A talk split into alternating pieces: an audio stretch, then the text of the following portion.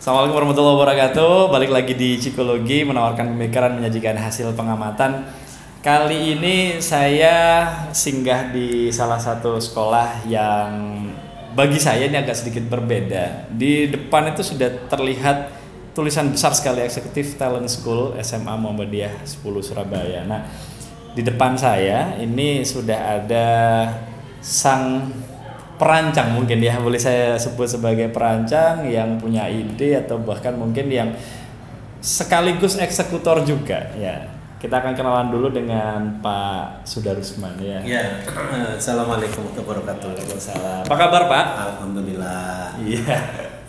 Ini lagi kosong atau Ya lagi baru saja lihat anak-anak latihan di mall. latihan apa? Kalau boleh ada tari, ada Ada tari. dan dance gitu ya. Di mall. Ini Mall. kelas atau gimana Pak? Kelas itu kelas yang yang kita miliki untuk mengembangkan kreativitas siswa dalam bentuk talenta Hmm. khusus.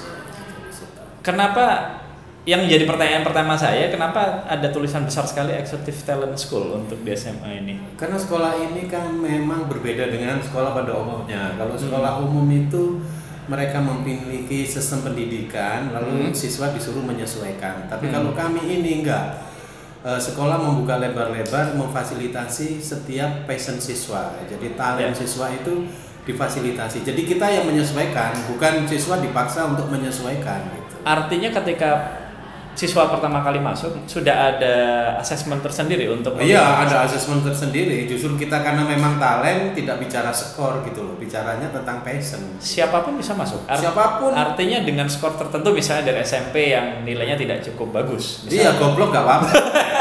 Goblok nggak apa. goblok gak apa-apa. Jadi nggak ada hubungannya antara goblok dengan sukses masa akan. Pengertian goblok dan pinter berarti menurut Pak Sudar seperti apa? Eh, goblok itu identik saat ini itu kan bicara IQ. Jadi Iya. IQ jongkok itu kan eh, indikatornya sederhana. Ah. Anak SMP tidak bisa mengerjakan soal SD. Ya. Tapi bagi kami itu tidak problem gitu loh. Karena apa? IQ itu kan identik dengan usia. Nanti usianya makin bertambah dia makin pinter dengan sendirinya. Oleh sebab itu ada Hmm. yang fokus yang Iya, perlu lebih penting yaitu Apa, Pak? EQ EQ, dan ya? SQ gitu. SQ. Jadi kalau emosionalnya tertata, spiritualnya bagus, goblok gak masalah, bisa tertutupi gitu loh. Artinya- Jadi pengertian pinter oleh Pak Sudar ini lebih ini ya, lebih komprehensif ada IQ, ada EQ, ada SQ juga. Atau- utamanya justru di EQ, di EQ ya, emosionalnya. ya. Nah, dan eh, murid-murid yang di sini memang ditekankan di sana. Ditekankan di sana karena orientasinya udah jelas, tidak orientasi pada EQ, tetapi orientasinya pada kompetensi. Contoh sederhana sih Pak, maksudnya yang bisa dilihat parameternya seperti apa ketika oh anak ini EQ-nya bagus. Apa? Satu satu atau dua perilaku yang bisa jadi indikator. Mereka juara matematika, juara matematika. Mereka peringkat satu di kelas.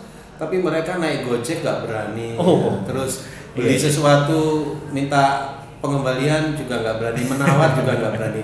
Karena E-nya lemah gitu ya, Hmm. emosionalnya lemah. Nah, padahal di kehidupan real secara autentik itu justru tidak itu gitu loh.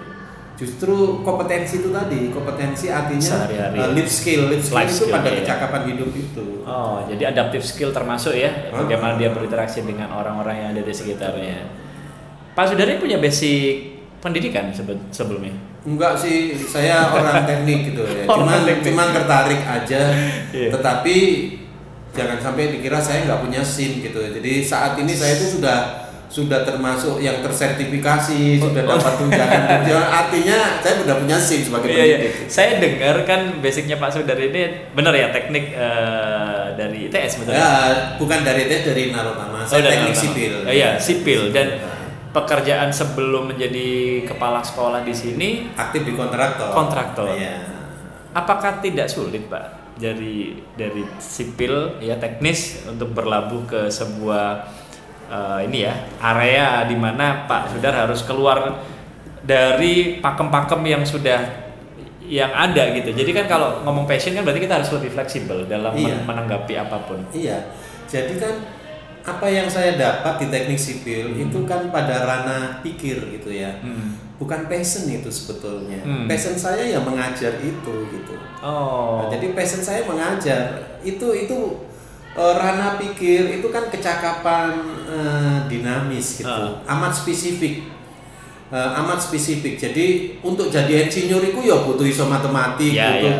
itu amat spesifik gitu. Itu apa ya nggak nggak sulit sebetulnya Mas Ciko aja bisa jadi orang teknik sipil saat ini kalau google saya terus Oh, gitu ya? kan gitu Lebih mudah gitu. Ah, Daripada tapi- harus yang tadi. Ah, ah. kalau passion itu kalau nggak dipelajari, artinya nggak difasilitasi, Hmm. nggak diberdayakan mulai kecil, kak eman dia akan jadi umpamanya jadi insinyur gitu ya, yang gelisah, yang nggak kreatif, yang nggak inovatif, terlalu matematis bicaranya. Terlalu ini ya lurus pikirnya tidak iya, bisa. jadi dokter pun juga gitu, merengut gitu ya, karena passionnya nggak terfasilitasi. Gitu. Artinya secara full time sekarang Pak Sudar sebagai Saya ini sebetulnya kepala sekolah aja yang nyambi kontraktor. Jangan dibalik. Bukan kontraktor Bukan nyambi. kontraktor nyambi kepala sekolah keliru. Oh, Waktu gitu. saya habis di sekolah.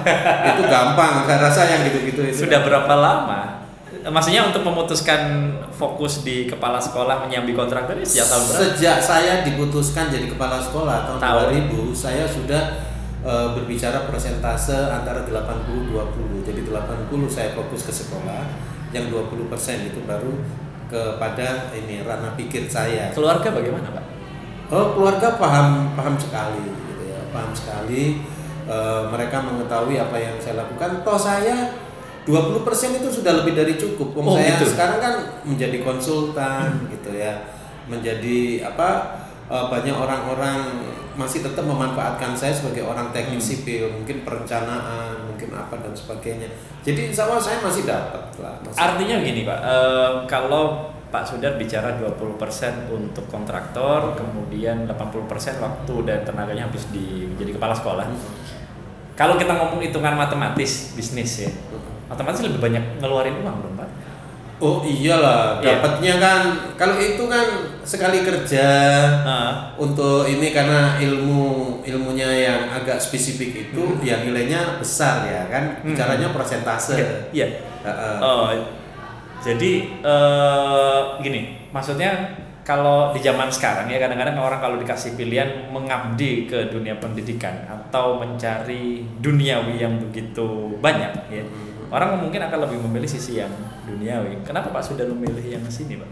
Ya pertama mungkin passion tadi Passion. yang membuat eh, percuma lah kita bekerja tetapi kita tidak bahagia gitu ya. Artinya tapi di guru ini Hmm. itu karena passion saya ada kepuasan gitu. Artinya justru ah, banyak tantangan ketemu siswa gitu. Makin mengeluh siswa ke kita itu justru akan ada sebuah kebahagiaan gitu. Saya akan menyelesaikan banyak Gitu hal ya. gitu ya. Jadi itu yang tidak akan kita temui. Kalau di sana permasalahannya apa? Orang apalagi dengan era saat ini, orang mau membuat gedung sebesar apa pun, software sudah lengkap itu nggak Iya, butuh iya. waktu lama kan gitu ya. Kenapa memilih sekolah? Artinya Pak Sudar kan bisa aja nih sebagai pengusaha kontraktor udah eh, saya taruh uang segini aja kamu kelola. Tapi Pak Sudar kan memilih untuk langsung terjun, langsung eh, membuat sebuah sistemnya, kemudian juga memanage ya sampai sedemikian rupa. Kenapa sampai segitunya, Pak? Karena saya ada sesuatu yang bagi saya ada sesuatu yang nggak tepat di pendidikan kita. Ya, contohnya. Saya melihat terlalu banyak orang berpikir EQ tadi, Hah? maka saat ini yang terjadi banyak orang pinter yang tidak punya tanggung jawab gitu Tidak ya. akhlak, banyak gitu ya. orang pinter akhlaknya yang tidak ini gitu. banyak orang pinter nggak mau kerja keras artinya ini kalau diterus-teruskan gitu, Hmm. tinggal nunggu waktu kita tidak mungkin bisa bersaing generasi kita ke depan Waktu itu tantangannya seperti apa? tantangan Per- memang Membuat ini ya. membuat sekolah ini amat berat karena saya orientasinya sudah saya nyampaikan nggak sekolah ya sekolah itu nggak penting gitu ya. Jadi EQ goblok nggak apa-apa gitu statement saya. Sekolah itu sebuah kemerdekaan bukan sebuah tekanan. Iya. imit ini kita bangun. Eh, pertandingan atau ujian nasional saya bilang pertandingan gitu ya. Ujian nasional itu bisa susul kok. Tapi kalau pertandingan itu nggak bisa disusul karena itu sebuah transfer pengalaman yang mahal nilainya. Itu kita tanamkan di anak-anak bahwa bekal ke depan bukan ujian nasionalnya gitu justru bekal pengalaman itulah yang akan membuat eh, apa anak-anak ini makin bisa berkompetisi gitu. Jadi dorongan utama pada saat itu adalah kesekersaan Pak Sudar sendiri melihat sistem pendidikan yang semakin lama tidak menga- eh, mengabaikan EQ itu ya. Heeh. makin mengabaikan EQ dan EQ. Waktu itu saya pertama kali tersinggung itu kan mereka anak-anak yang habis mencuri yang apa ya Kasus ya. kasus gitu ditaruh di eh, umpamanya di sel gitu. Iya, iya, iya. Polisi hadir ke sana Ah. gitu untuk anak itu disuruh ikut ujian. Bayangkan E dengan S-nya udah jelas-jelas Iya, iya, iya. nggak memenuhi syarat, Ah. tapi karena targetnya Iya, hanya iya. I gitu ya. Iya iya, targetnya ya dipaksakan, dipaksakan, yang dipaksakan itu. yang penting dia ujian bisa gitu. Artinya lah itu itu dulu dulu tapi saat ini itu sebetulnya hampir sama tetapi itu di, ditutup rapi lah. Nah, contoh mencari kerja itu syarat IP harus sekian. Iya, iya. ini harus sekian. Artinya I tidak lagi bicara E. Seharusnya kan data anak ini gimana? Selama sekolah Track recordnya dulu Iya, ya. track recordnya itu yang seharusnya. Andai pak. Andai misalnya di di sekolah inilah ya. Kemudian pak Sudar kita kan tahu ya bahwa eh, sekolah ini menerima siapa pun Mm-mm. dengan latar belakang apa pun. Bahkan mungkin dengan anak-anak yang bisa dibilang eh, tertolak dari lingkungan karena eh, perilakunya tidak baik ya Iya. apakah itu tidak jadi bumerang bagi sekolah ini ketika nanti tidak cukup bisa memfasilitasi anak-anak seperti itu Eh, yang mengatakan bumerang belum membaca undang-undang pendidikan nasional gitu bahwa sebetulnya anak-anak semua ini di Indonesia ini memiliki hak yang sama Hmm. tidak ada diskriminasi sama sekali maka dari itu mereka punya hak mereka itu pingin pinter pingin sukses pingin jadi Ya. kalau toh memang dia saat ini eh, diberikan justifikasi seperti itu Hmm. saya amat tidak sependapat jadi kita melihatnya hanya dengan perasaan gitu loh. Iya, Padahal iya, iya. mereka tidak tidak boleh Tidak. seperti itu. Tidak boleh seperti itu. Kita terima apa adanya mereka. Dia punya kesempatan yang sama dengan yang lain. Maka dari itu prinsip saya pendekatan tidak boleh secara fisik. Pendekatan harus secara Iya, psikologis. psikologis, ya. Jadi artinya mereka ini nggak butuh ruang kelas. Mereka nggak Iya, iya. butuh nggak butuh guru yang eh, apa kompetensi, nggak Ah. nggak butuh teknologi yang canggih, nggak begitu gitu. Lebih mereka mereka ini butuh hati ya. kehangatan Iya. gitu, ya, kedekatan, betul betul dan eh, Pak Sudar dengan konsep seperti ini otomatis tidak semua orang atau bahkan banyak orang tua yang tidak tahu bahkan mungkin agak sulit menerima pendekatannya seperti apa Pak dulu ya di awal-awal di ya awal ya ada yang pulang pak keluar paksa, ada yang mutu-mutu keluar di- paksa maksudnya eh, keluar paksa karena tidak sependapat. akhirnya ditarik Ya, anaknya. lalu dinas juga tidak sampai menyarankan agar anaknya dimergerkan gitu. Hmm. Sekolah juga Satpol PP juga intervensi dan sebagainya. Jadi artinya bagi saya ini sebuah tantangan. Nah, sampai sekarang pun masih ada orang anak saya kok udah nggak dapat pelajaran. Iya. gitu, ya kan? Yang saya tangkap beberapa kali orang tua ya kan kebetulan saya di sini juga ini eh, ngurusin teman-teman psikologi ya dan orang tua ini ada yang nggak tahu keceplosan atau gimana beliau bilang saya tuh khawatir mas anak saya tidak pernah dikasih PR itu gimana pak Saya rasa lagi-lagi dalam pendidikan itu kan ada empat transfer, Iya. ada pengetahuan, Ah. ada pengalaman, keterampilan dan kecakapan hidup. Hmm. Karena mereka rata-rata wali murid itu kan dulunya dia transfer pengetahuan, sehingga betul. itu yang diimpikan. Padahal bagi saya ini dinamis. Hmm, bisa Itu spesifik sekali, amat muda. Itu akan ikut dengan sendirinya jika tadi itu EQ dan EQ-nya tertata. Artinya transfer pengalamannya tertata, keterampilannya tertata, kecakapan hidupnya tertata, otomatis anak itu akan pinter dengan sendirinya gitu loh. Tapi kalau kita orientasi ke situ, ya celaka nanti kita akan terlalu banyak orang yang pinter, Iya, iya, iya. gitu loh. Nah, tapi ini kan nggak nggak mudah. Iya. Pak Sudar gimana anak saya kok nggak punya catatan, nggak punya ini nggak punya. Pertanyaan saya sederhana. jam kosong lebih banyak Ah, pertanyaan saya hanya sederhana. Apakah anak ibu di rumah bermasalah? Ya. Eh, menjengkelkan, tidak taat, tidak nurut, tidak ini. Sebelumnya saya lebih cenderung menanyakan di sana. Kalau toh memang iya, saya akan kerja keras, saya akan panggil, akan tangani. Hmm. Tapi kalau pada posisi positif gitu, dia diajak ngobrol juga enak sering mengkritik orang tua dengan bagus Iya, gitu. Nilai sosialnya tinggi. Sebetulnya ini pada jalur trek yang benar gitu.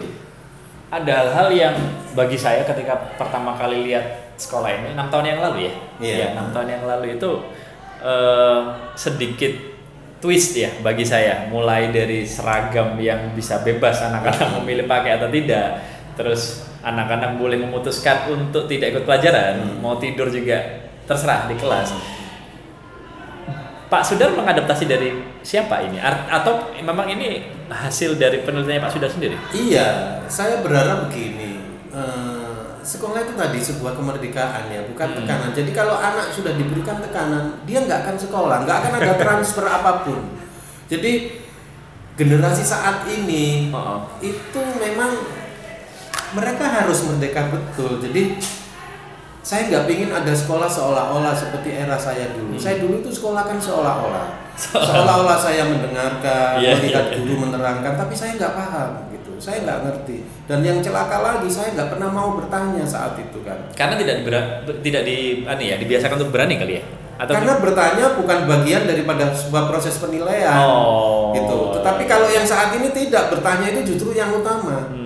salah itu utama gitu bagi kami. Kamu ulangan salah semua juga nggak apa-apa asal jujur gitu.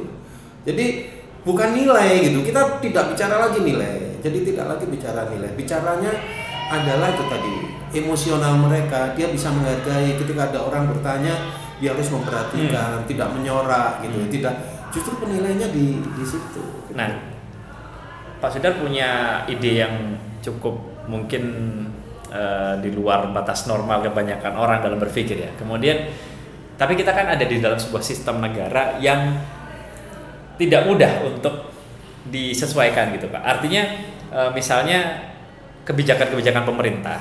Terus Pak Sudar dengan ide yang seperti ini anak ini kemudian tidak mengikuti misalnya atau eh, nilainya jelek ketika lulus. Nah, apa antisipasi ini untuk anak ini supaya mungkin aduh jadi stres Eh, ada beberapa yang aku kok nggak bisa ikut SBM atau kemampuanku tidak sama dengan teman-teman sekolah yang lain antisipasinya seperti apa kita perlu pahamkan Ah. saat ini. Jadi ada enam ranah di dalam kehidupan. Hmm. Ada ranah pikir, ranah rasa, Hmm. ranah raga, ya Hmm. ranah spiritual, Hmm, ya iya. ranah. Artinya ada kepentingan yang utama. Anak pinter matematika nilainya 10 itu ranah pikirnya berarti A. Mm-mm. Tetapi saya nggak pingin ranah rasanya dia jatuh, ranah sosialnya jatuh, ranah raga nggak sehat, sakit-sakitan, Iya, iya. apalagi ranah spiritualnya dia nggak jujur, Tidak nggak- imbang. Jadi nggak imbang. Mm. Tetapi saya lebih cenderung anak ini nggak bisa matematik, nilainya jelek, tetapi sosialnya bagus, raganya bagus. Kita sarankan kamu masuk saja jurusan matematik, pasti kamu bisa jadi guru matematik yang bagus deh. Gitu, Iya, gitu loh. iya. Jadi nggak ada nggak ada jaminan yang nggak bisa matematik itu nanti nggak bisa matematik. Nah tapi ini di benak orang tua tidak, karena harus dipersiapkan lebih dini untuk menuju jurusan matematik. Bagi saya enggak Iya. itu dinamis sekali ketika keinginan itu akan muncul tapi syarat gitu Iya. kalau di bahasa lama itu afektif psikomotoriknya Betul, betul, tertata iya, iya. gitu ya Ah. bahasa kita ini kan ada ranah Iya. yang tadi itu nah ini memang nggak mudah saya sering dihujat diolok-olokkan wali murid ini nanti tanggung jawab bapak Iya, Ini. itu dia maksud saya. tetapi kan kita udah meluluskan sekian kalau toh memang itu ada yang bermasalah seharusnya saya akan dipersoalkan gitu tapi selama ini mereka enjoy saja malah telepon saya pak saya udah jadi pengusaha pak saya Gitu jadi ya. ini pak saya jadi artinya udah tepat gitu loh bagi saya jadi kecakapan hidup itu memang seperti itu Ini satu kepala. Pak Sudar tidak mungkin ada di sini terus ya. Iya. Otomatis dan Pak Sudar pasti harus uh, melahirkan generasi-generasi yang artinya bisa uh, meneruskan estafetnya Pak Sudar. Sejauh ini uh, strateginya Pak Sudar gimana untuk ya inilah meneruskan estafet dengan pemahaman yang sudah Pak Sudar tanamkan sejak sekolah ini ada. Iya, saya memang sudah. Ini sekolah ini baru 60% ya. Hmm. Apa yang sudah mulai masuk paradigma. Paradigma sekolah berbasis luas itu sudah mulai kita kenalkan. Apa ciri-ciri berbasis luas? Saya katakan Hmm. sistem pendidikannya menyesuaikan uh, passion Siswa, siswa. ya, kita betul. tidak itu. Kalau sudah seperti ini, maka orientasi pendidikannya tidak boleh di pengetahuan, tapi di kompetensi, Iya, iya. ya, di kecakapan hidup. Jadi anak dibekali untuk terbiasa memecahkan problem orientasinya. Iya, iya.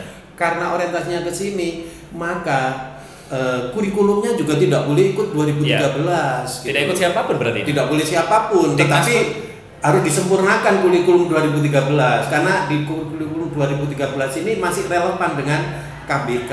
Oke, iya, iya. Eh, kurikulum berbasis kompetensi. masih ada ya. Eh, tetapi di sini proses pembelajarannya eh, apa ya harus parsial. Jadi mereka mau masuk fakultas kedokteran ya nggak usah terlalu melancong ke sana gitu loh. Parsial ini cukup Ya. ini gitu ya. Iya, iya. Eh, cukup ini tidak boleh dikembangkan sehingga dia terbebani bahasa daerah apa Ya, ya, gitu, ya. gitu ya. Jadi parsial. Tetapi pengertian parsial jangan diartikan sempit karena ulangannya nanti harus komprehensif. Hmm. Karena di kehidupan itu nggak ada kehidupan matematik, kehidupan PPKN, Semuanya. kehidupannya kan Holistik semuanya. ya, holistik. Nah, holistik tadi gitu loh. Nah, itu maka dari itu dengan itu model pembelajarannya juga berbeda. Tidak bisa model pembelajaran eh, model KTSP, model kurikulum dari model pembelajaran harus CTL artinya harus autentik. Hmm. Karena yang kita butuhkan transfer tiga ini yang utama pengalaman, keterampilan dan kecakapan hidup. Oleh karena itu tidak bisa dijangkau di dalam kelas. Artinya lebih banyak Harus banyak di luar kelas. Salah satu strategi Pak Sudar adalah membuat sekolah di mall itu tadi. Nah, ya di mall, ya di mana pun, ya di hotel, ya di perusahaan, di ini sehingga Oh. istilah saya 70% mereka harus ada Keluar, di luar ya. kelas. Di dalam kelas cukup 30%. Gitu. Soal ini Pak Sudar, eh, apa namanya guru-gurunya, bagaimana? saya rasa terjadi apa ya Pergeseran. kesenjangan. Kesenjangan. Eh, kesenjangan walaupun saya merekrut saat itu usia 24 saya rekrut di awal Ah. kita berikan eh, pemahaman dan sebagainya pada tahun kedua dia sudah mulai Goyang, memahami ya? gitu Oh, ya ah. tahun memahami tetapi karena percepatannya begitu cepat ketika ada siswa baru dia udah nggak nyambung Nggak lagi nyambung, nggak nyambung keluar. lagi Hmm. dia hanya nyambung di kelas 3 dan Iya, kelas ini iya. gitu ya Pada generasi kan. Heeh, beda generasi, beda beda persoalan yang dia harus hadapi Ya, ya. karena perubahan perilaku ini kan Ya, begitu cepat. Betul betul. Nah, inilah yang yang membuat kita jadi terus menerus saya harus mengupdate diri. Eh, terakhir ketika model pembelajarannya sudah, berarti saat ini evaluasinya juga berbeda. Tidak lagi menggunakan evaluasi skor ulangan terus dapat nilai. Enggak. Ulangannya dalam bentuk festival. Oh. Eh, setiap siswa mengajukan sebuah proposal kepada gurunya. Aku ingin ulangan seperti ini. Gurunya yang me- meluruskan oh iya berarti modelnya nanti ini. Kamu harus buat film. Kamu Iya, harus iya. ada eh, apa praktek ini ini itu itu sudah dan itu difoto didokumentasikan nanti sebagai nilai tadi oh berarti ranah pikirnya berapa rasa berapa dan dan sebagainya Ketika tidak ada guru atau ketika guru ini sudah mulai tidak bisa ngikutin uh, perkembangan, gimana Pak sudah langkahnya? saya maklum ada yang nangis ada yang pingin keluar Iya. tapi saya sampaikan syaratnya harus dekat dengan siswa Hmm. Syaratnya harus akrab dengan siswa syarat akrab harus bahagia syarat bahagia tidak mudah marah Hmm. Saya rasa kalau kita sudah dekat, akrab, saya rasa nanti akan ada transfer itu dengan sendirinya. Jadi di sini ya mungkin ada yang rasa-rasa gimana saya udah nggak bisa ini maunya apa ini Maunya Sudar. seperti ini gitu ya. Ada Tapi- berapa guru tak Pak di sini Pak? Oh banyak udah 57 27. Yang menurut Pak Sudar sudah sesuai dengan kompetensi dan eh, keinginannya Pak Sudar berapa persen? Baru 40 persen lah. 40 persen ya Iya. dari 50-an Ah, baru 40%. Yang lain masih Masih terjebak dengan pola terjebak lama ya? Dengan pola lama yang kadang-kadang masih cenderung memaksakan anak-anak harus diam, anak-anak harus apa? Subjeknya masih guru. Padahal Iya. sekolah kita ini subjeknya siswa. Jadi siswa bisa menentukan segala-galanya. Siswa. evaluasi guru juga dari siswa. Evaluasi guru harusnya siswa. Wong siswa boleh memilih guru kan? Boleh ya di sini? Boleh, boleh. Gimana contohnya Pak aplikasinya? Loh, Contoh umpamanya Pak, aku besok nggak ke jenengan ya, aku tak ke bu ini boleh. Oh, kan? gitu? Iya, tidak boleh marah. Ya. Artinya sampingnya mereka lah. Kita ini tugas guru betul-betul memfasilitasi, Iya, gitu ya. Iya. Jadi apa yang dia inginkan kita beri. Kita nggak usah memaksakan kehendak. Iya gitu, iya iya. ya kan? Ini eh, Pak Sudar bisa mengklaim nggak kalau ini emang yang pertama di Surabaya? Saya rasa begitu, nggak Gitu ada ya? sih. Gitu. Nggak ada ya? Nggak ada, nggak ada di Surabaya di mana pun. Saya saya mengklaim begitu karena Hmm. ini berdasar pemikiran saya bahwa sekolah itu memang harus seperti itu. Gitu ya. Role modelnya siapa Pak? Kalau Pak Sudar bisa menarik ke belakang pasti Pak Sudar bisa dapat inspirasi. Saya berharap Muhammadiyah dari dulu tuh menjadi sekolah alternatif. Artinya begini. Heeh. Saya itu Ahmad Dahlan itu Ahmad betul-betul, Dahlan, ya Ahmad iya. Dahlan. Jadi ketika itu kan ada sekolah di pondok, Mm-mm. tapi ada sekolah Belanda ya, Ya, seperti ah. itu. Ada orang yang memiliki keinginan, gimana saya mau sekolah di pondok itu juga agak susah, nggak bisa ininya, Hmm. mau di sekolah di sini. Akhirnya Ahmad Dahlan menjadi sekolah alternatif, Hmm. di mana mengambil bagian sebagian dari sini, sebagian di sini. gitu. Oh. Nah, akhirnya hampir sama. Saya berpikir begitu. Kalau kami ikut di negeri, gitu ya, saya rasa nanti kita akan apa ya? Mohon maaf, saya masih berbicara bahwa ada ada teknokratiknya. Iya, betul. Ada kepentingan Kepentingan, kepentingan iya, gitu iya. ya. Saya lihat ini jadi korban anak-anak kita Hmm. karena eranya seperti ini anak dipaksa semua seperti Iya, ini, iya. seperti kan itu. Kalau ke kiri, mohon maaf dari sisi spiritual yang sepenuhnya mereka jangan-jangan nanti juga sudah tidak relevan gitu ya, Iya. sekian ini. Iya, iya. sek- Akhirnya kita menjadi ini di tengah gitu. Iya. Pemikiran saya apa ya? Moderat, sekolah ya. yang yang alternatif ya, yang betul-betul dapat lah ada spiritual. Pak Sudar tidak takut brand image Muhammadiyah yang mungkin dulu sudah sudah sering kali saya dengar juga bahwa sekolah Muhammadiyah ya sudah sekolah yang yang benar-benar eh, mengutamakan agama baik dari sisi pelajarannya atau mungkin sebagian besar waktunya adalah pelajaran agama. Nah, sementara ketika di Pak Sudar ini kan banyak talent di mana talent-talent ini juga kalau dilihat sekilas ya kayak misalnya musik, kemudian film itu kan kelihatannya tidak sesuai dengan jalur agama. Terus kayak ada sulap juga kan saya lihat. Gimana Pak Sudar sesama Muhammadiyah saja lah. Artinya sesama teman-teman Muhammadiyah atau sesama yayasan eh, brand image ini apakah tidak bergeser nantinya? Ya kami yakinkan, kami lebih spiritual. Bayangkan sekolah kami itu berbasis area. Hmm. Eh, perempuan sendiri, laki sendiri, Hmm. itu pun jumlahnya tidak boleh besar. Karena kami paham pembinaan karakter tidak bisa dilakukan dengan jumlah besar. Maksudnya jalan-jalan besar gimana Pak? Eh, Setiap- kan, kan putri ini ada putri satu. Jadi satu. sekolah mungkin teman-teman yang belum tahu di Muhammadiyah ini ada tiga area ya. empat area. Oh, empat area Ada sekarang. putri satu, putri dua, putra satu, putra dua. Oh, Nah, Oke. jadi setelah kelas satu dia Ah. terbina karakternya baru naik di putri dua. Kan Oke, gitu. terus Terus baru lolos ke putri tiga. Putri tiga berarti dia sudah lolos, sudah memiliki tiga hal, Hmm. sudah memiliki konsep diri, kesadaran diri, dan Hmm. percaya diri. Mereka anak kelas tiga nggak usah disuruh sholat, nggak usah disuruh belajar, nggak usah disuruh nggak usah disuruh menghargai orang lain. Sudah Otomatis ya? Secara otomatis. Iya, iya, iya. Secara otomatis. Dan itu nggak mungkin dinikmati di di luar Ya. di Muhammadiyah yang lain. Gitu ya. Artinya ya di, di luar lah. di luar ya. Artinya bisa terbalik. Kelas 3 makin susah diatur gitu ya. Iya, iya, Tapi iya. kalau ini enggak, udah jelas grafiknya jelas. Hmm. Kelas 1 dia seperti apa, kelas 2 seperti apa. Oh. Nah, kelas 3-nya baru dia sibuk, dia udah belajar sendiri, nuntut orang tuanya minta dileskan, minta apa. Dia Sudah. punya ini ya self awareness ya ketika semakin dewasa Karena ya. memang pembekalannya di situ. Oh. Jadi tiga hal tadi konsep diri, kesadaran diri dan percaya diri Hmm. itu diletakkannya itu berdasarkan realita di lapangan, bukan di dalam kelas pembentukannya. Nggak mungkin itu dibentuk di dalam kelas. Iya nggak bisa ya, gitu. karena mereka harus langsung melihat real case-nya seperti apa. Iya. Sekolah ini saya lihat dulu itu cuma satu ya tempatnya pak. Iya. Bisa menjadi empat. Bisa area. menjadi empat dan asetnya udah hampir 30 miliar. Aduh. Menurut Pak Sudar itu karena apa? Kepercayaan kah? Saya rasa ini ini sesuatu yang tepat gitu ya, ketepatan saja. Hmm. Eh, ketepatan karena apa ya positioningnya tepat gitu loh. Menempatkan saya menempatkan sebuah sekolah di kota itu iki loh no, sekolah yang seperti ini. Itu tepat gitu, Gitu sehingga dari Palangkaraya dari Tangerang bahkan saat ini yang siswa baru ada yang dari Papua yang Oh, iya. kemarin sudah. Artinya mereka oh ini ini mungkin cocok gitu. Karena anak saya ditolak di sana di, di sana. Tidak ada yang menerimanya sini. ini ini agak cocok. Kok seperti itu gitu Berarti juga ada kemungkinan anak-anak yang berkebutuhan khusus bisa diterima di sini. Oh bisa banyak, udah ada Iya. 84 dan mereka rata-rata lulus dari sini bisa Boleh kuliah. dijelaskan Pak, kan namanya beda di sini. Apa Pak namanya Pak? Eh, sekolah peduli anak hebat. Iya, namanya SPAH.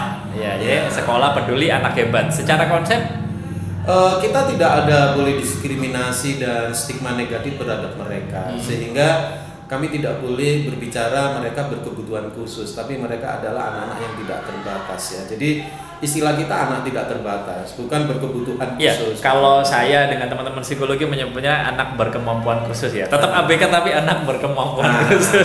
Cuman kita harus tahu di mana letak eh, ini ya, letak ke, apa ke- kelebihannya dia sehingga Ah. kita bisa tahu bagaimana cara mengolah dan merawat ya, merawat Iya. kelebihan passionnya itu.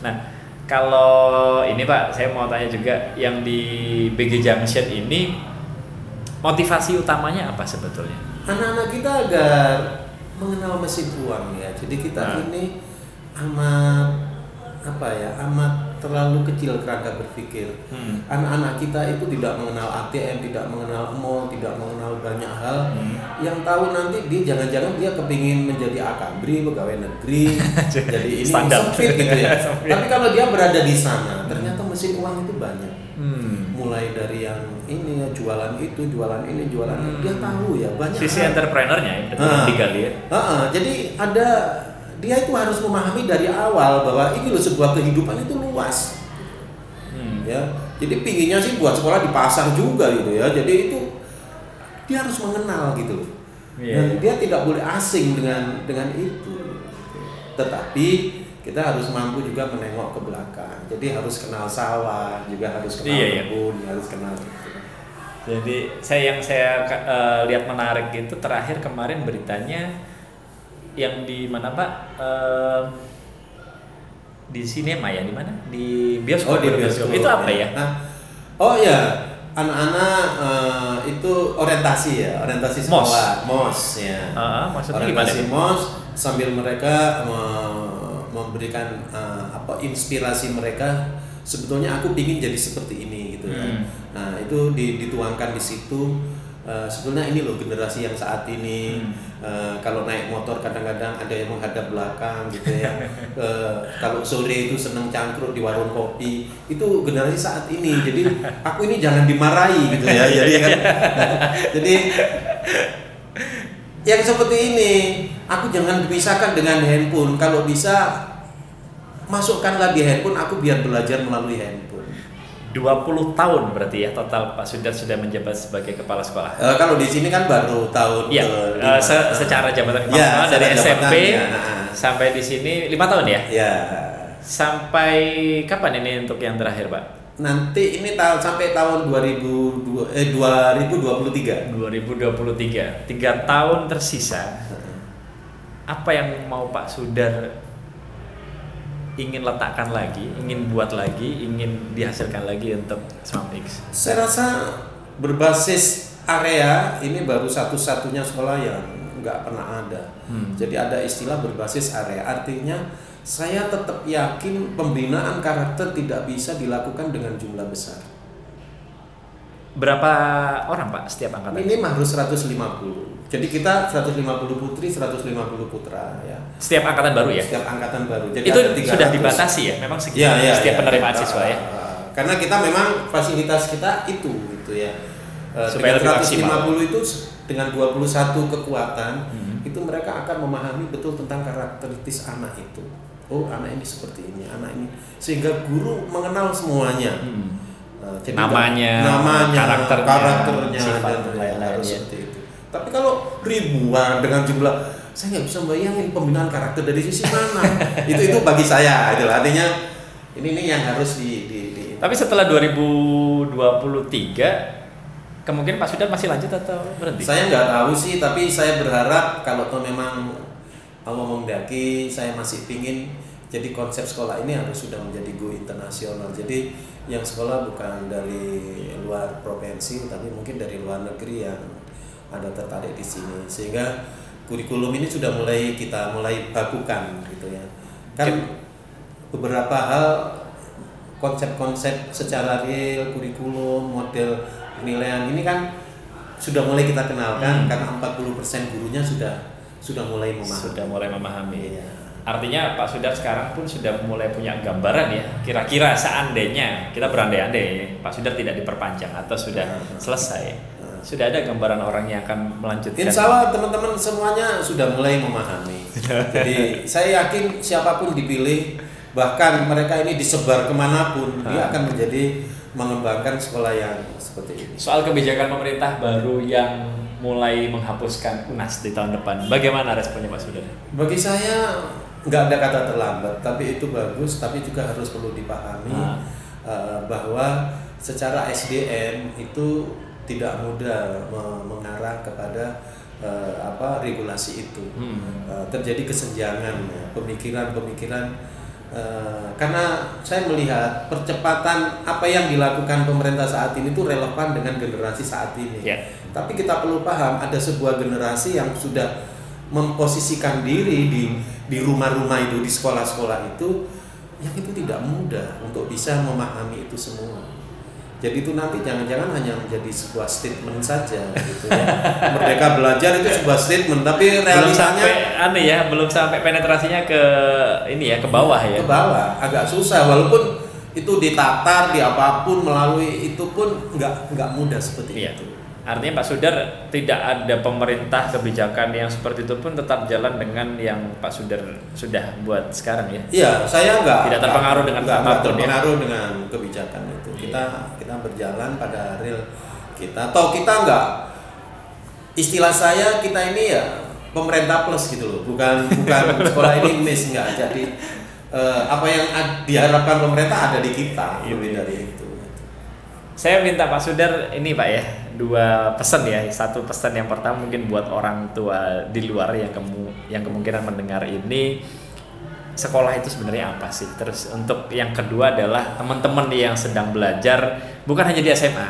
Artinya menurut Pak Sudar seharusnya bagaimana sih berpendidikan itu untuk teman-teman yang sedang belajar ya apa pun khususnya di SMA Muhammadiyah 10. Yang pertama mungkin buat orang tua dulu deh. Ya saya rasa kita perlu pahami bahwa sekolah itu eh, seharusnya kita sadari adalah eh, membekali siswa untuk sukses, Ya.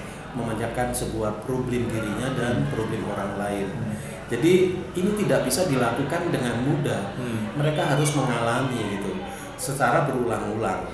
Nah, kendalanya saat ini mereka masih terlalu sayang dengan anaknya Ya. sehingga yang sekolah menjadi orang tuanya. Jadi justru membekali sukses itu tidak tidak terjadi. Ah. Maka dari itu saya sarankan sama orang tua biarkan mereka terlambat, mereka biarkan mereka ditegur guru, biarkan mereka menghadapi problem-problem itu bagian daripada eh, apa ya transfer pengalaman. Ya.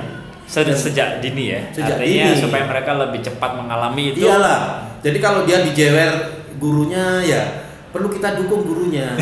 mereka mereka kita pahamkan, ayo caranya bagaimana kamu untuk Supaya pecahkan begitu. problemnya itu gitu ya. Jadi itu. Jadi jangan sampai orientasi sekolah itu sederhana ya mencari ilmu, bukan Hmm, seperti bukan itu. itu. Karena ilmu bisa aja di luar Ilmu sekolah. Bisa bisa di bimbel, bisa di ini kan Iya. gitu. Kalau untuk siswanya, Pak.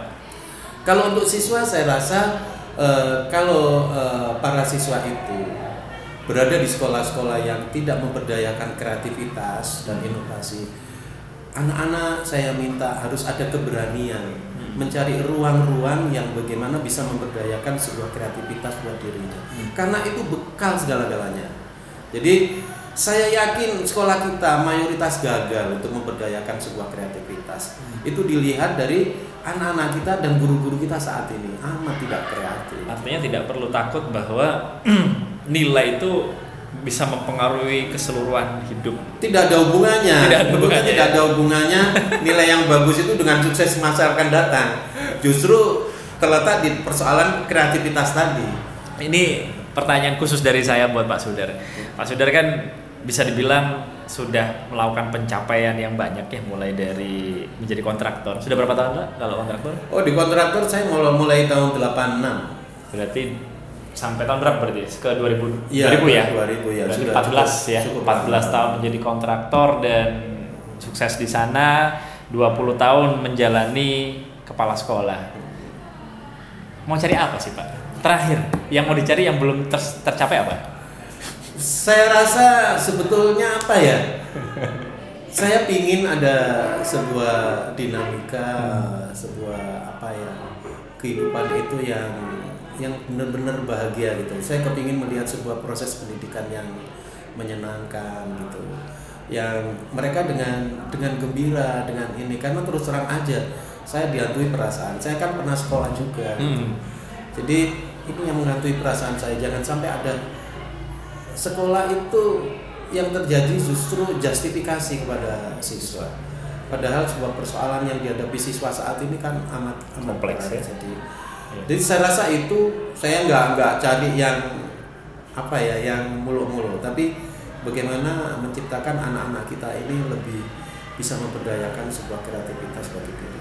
yang penting anak bahagia karena mungkin anak ini akan menjadi ini ya istilahnya benih ketika nanti mereka dewasa yang mengendalikan semua yang ada di negara ini bisa dilihat seperti itu nggak? Ya bisa bisa karena memang eh, negara itu sebetulnya tergantung dari keberhasilan sebuah pendidikan. Iya. Pendidikan ini kan sebagai tolak ukur. Iya. Pendidikannya Nah. bagus ya keluarganya bagus. Iya. Gitu ya. Hmm. Jadi kalau keluarganya bagus itu caranya pendidikannya juga bagus. Maka kalau keluarga bagus negara juga akan bagus. Pak Sudar hanya ingin melihat anak-anak bahagia dengan passionnya sehingga passion ini bisa mengantarkan anak ini menjadi orang yang sukses yang menurut Pak Sudar tadi ya. Iya, ah, ah, ah. jadi sukses bagi saya mereka sudah mulai bisa memecahkan problem dirinya dan Sukses menurut Pak Sudar adalah sese- ketika seseorang bisa memecahkan problem dalam hidupnya. Baik, terima kasih Pak Sudar waktunya. Iya, sebuah obrolan yang cukup ke mana-mana, tapi banyak hal yang bisa kita lihat ya dan kita bisa pikirkan kembali bagaimana sih sebenarnya pendidikan itu, bagaimana seharusnya menyikapi sekolah dan ketika menyikapi anak-anak yang bermasalah, kemudian anak-anak yang mungkin secara pemikiran generasinya dengan kita mungkin akan jauh lebih anu ya berbeda ya ya nantinya berbeda ya. berbeda makin setiap tahun saya merasakan ada sebuah perubahan perilaku Iya, dan itu cepat sekali. cepat ya. sekali Jadi maka tugas istilah apa ya istilah untuk mau melakukan sebuah perubahan perubahan di dalam proses pembelajaran harus ya. jadi Iya, terima kasih Pak Sudar sekali lagi untuk waktunya. Buat teman-teman, stay tune terus di Psikologi untuk di episode berikutnya. Sampai jumpa. Assalamualaikum warahmatullahi wabarakatuh.